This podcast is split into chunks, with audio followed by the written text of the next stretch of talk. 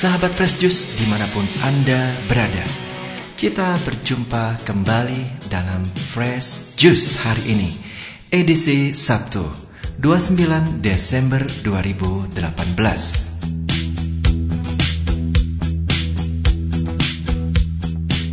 Bacaan dan renungan akan dibawakan oleh Romo Ignas Sibar MI dari Ruteng.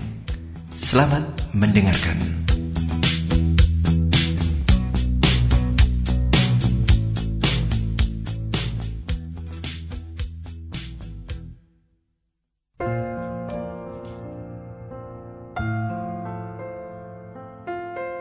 Para pencinta dan pendengar setia Fresh Juice yang saya kasihi. Selamat Natal.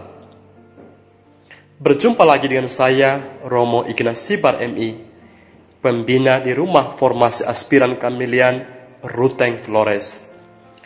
Hari ini Sabtu tanggal 29 Desember 2018 merupakan hari kelima dalam oktav Natal Bacaan Injil pada hari ini diambil dari Injil Santo Lukas bab 2 ayat 22 sampai dengan ayat 35. Mari kita buka renungan ini dengan tanda kemenangan Kristus. Dalam nama Bapa dan Putra dan Roh Kudus. Amin. Tuhan bersamamu dan bersama rohmu Inilah Injil Yesus Kristus menurut Lukas. Dimuliakanlah Tuhan. Ketika kenap waktu pentahiran menurut hukum Taurat, Maria dan Yusuf membawa anak-anak Yesus ke Yerusalem untuk menyerahkan dia kepada Tuhan seperti ada tertulis dalam hukum Tuhan. Semua anak laki-laki sulung harus dikuduskan bagi Allah.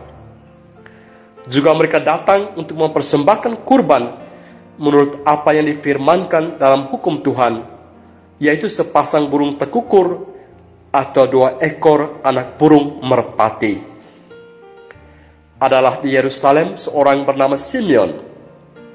Ia seorang yang benar dan saleh hidupnya, yang menantikan penghiburan bagi Israel. Roh Kudus ada di atasnya, dan kepadanya telah dinyatakan oleh Roh Kudus bahwa ia tidak akan mati sebelum melihat Mesias, yaitu Dia yang diurapi Tuhan. Atas dorongan Roh Kudus, Simeon datang ke bait Allah. Ketika kanak-kanak Yesus dibawa masuk oleh orang tuanya untuk melakukan apa yang ditentukan hukum Taurat, Simeon menyambut anak itu dan menatangnya sambil memuji Allah katanya. Sekarang Tuhan, biarkanlah hambamu ini pergi dalam damai, sejahtera, sesuai dengan firmanmu. Sebab mataku telah melihat keselamatan yang daripadamu, yang telah engkau sediakan di hadapan segala bangsa, yaitu terang yang menjadi pernyataan bagi bangsa-bangsa lain dan menjadi kemuliaan bagi umatmu Israel. Yusuf dan Maria amat heran akan segala sesuatu yang dikatakan tentang anak Yesus. Lalu Simeon memberkati mereka dan berkata kepada Maria, ibu anak itu, Sesungguhnya anak ini ditentukan untuk menjatuhkan atau membangkitkan banyak orang di Israel dan untuk menjadi suatu tanda yang menimbulkan perbantahan dan suatu pedang akan menembus jiwamu sendiri supaya menjadi nyata pikiran hati banyak orang. Demikianlah Injil Tuhan. Terpujilah Kristus.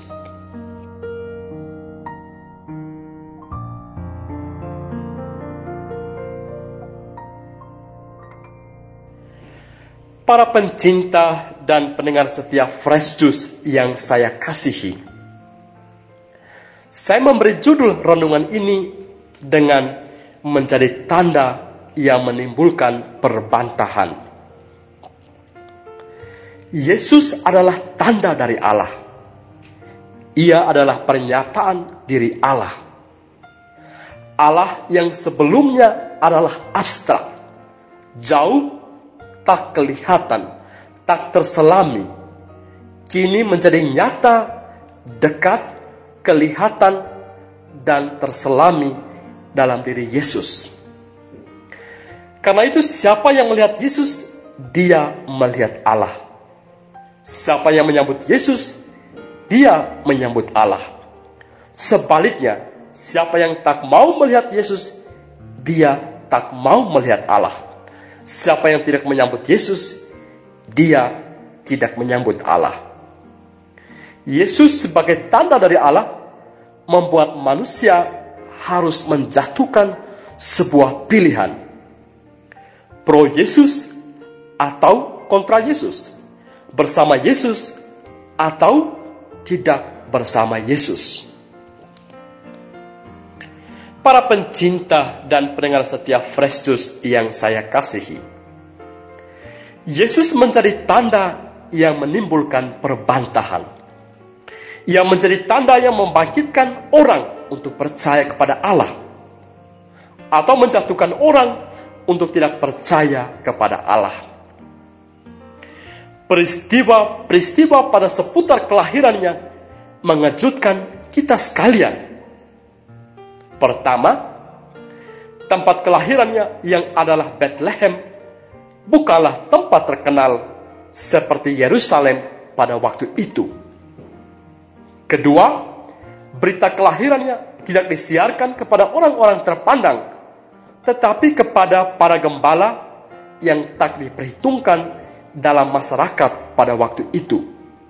Ketika keluarga yang dia pilih untuk lahir bukanlah keluarga bangsawan atau raja atau keluarga kaya raya, tetapi keluarga yang tak terpandang. Yosef dan Maria bukanlah siapa-siapa. Mereka orang yang sangat sederhana. Keempat, ia lahir bukan di tempat tidur yang empuk, baik dan nyaman, tetapi dalam sebuah palungan yang merupakan tempat makanan ternak.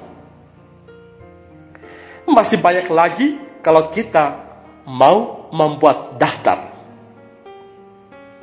Kemudian ketika Yesus mulai berkarya di depan umum, perkataan dan perbuatannya, cara hidupnya sering kali membuat orang harus menjatuhkan sebuah pilihan. Orang-orang Farisi, ahli-ahli Taurat, pemuka-pemuka agama, acap kali berseberangan dengan Yesus. Mereka menentang, menuduh, mengancam, menolak, dan pada akhirnya menjatuhkan hukuman mati pada dia. Tetapi pada sisi lain, ada juga orang-orang yang menyambut dan percaya kepada Yesus. Kita harus membuat pilihan saat berhadapan dengan Yesus. Kita tidak bisa memilih netral. Para pencinta dan pendengar setia Fresh yang saya kasihi. Menjadi orang Kristen berarti menjadi seperti Kristus. Yang berarti menjadi tanda yang menimbulkan perbantahan. Menjadi tanda yang menimbulkan perbantahan berarti pilihan kita sendiri harus jelas dan pasti bahwa kita adalah pro Kristus bersama Kristus pro Kristus bersama Kristus harus diwujudkan secara nyata dalam tutur kata, tindakan, sikap, dan cara hidup kita. Kristus mesti sungguh-sungguh hadir dan hidup dalam diri kita. Seperti Paulus mengatakan, bukan lagi aku yang hidup, tetapi Kristus yang hidup di dalam aku para pencinta dan pendengar setia Fresh yang saya kasihi. Di tengah kehidupan modern yang mana dunia memilih culture of death atau budaya kematian, kita orang-orang Kristen memilih culture of life atau budaya kehidupan. Dunia memilih egoisme, kita memilih altruisme. Dunia memilih kebohongan, kita memilih kejujuran Dunia memilih dendam, kita memilih pengampunan. Dunia memilih kebencian, kita memilih kasih. Dunia memilih untuk dilayani, kita memilih untuk melayani. Dunia memilih untuk menerima, kita memilih untuk memberi. Dunia memilih untuk terikat pada harta kekayaan, kita memilih untuk melepaskan harta kekayaan dan lain sebagainya. Pilihan-pilihan kita berseberangan dengan pilihan-pilihan dunia. Dalam konteks demikianlah kita sebagai murid-murid Tuhan terpanggil untuk menjadi tanda yang menimbulkan perbantahan yang mana kita sendiri pilihannya harus jelas dan pasti yakni pro Kristus dan orang lain yang berhadapan dengan kita juga harus menentukan pilihan yang jelas dan pasti yakni pro Kristus atau kontra Kristus tak ada pilihan yang netral. Marilah berdoa. Tuhan Yesus Kristus, Engkau menjadi tanda yang menyatakan kehadiran Allah kepada kami. Kehadiranmu di tengah kami membuat kami harus menjatuhkan sebuah pilihan.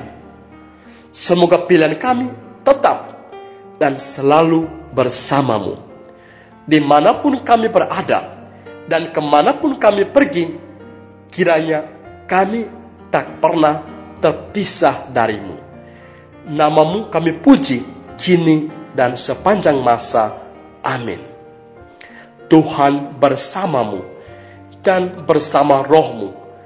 Semoga saudara-saudari sekalian, semua anggota keluarga kita di mana pun berada, dan segala karya tangan kita pada hari ini senantiasa dilindungi, dibimbing, dan diberkati oleh Allah yang Maha Kuasa, Bapa dan Putra dan Roh Kudus.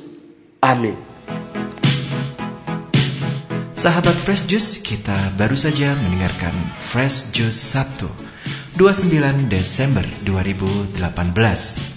Segenap tim Fresh Juice mengucapkan terima kasih kepada Romo Ignas Sibar untuk renungannya pada hari ini.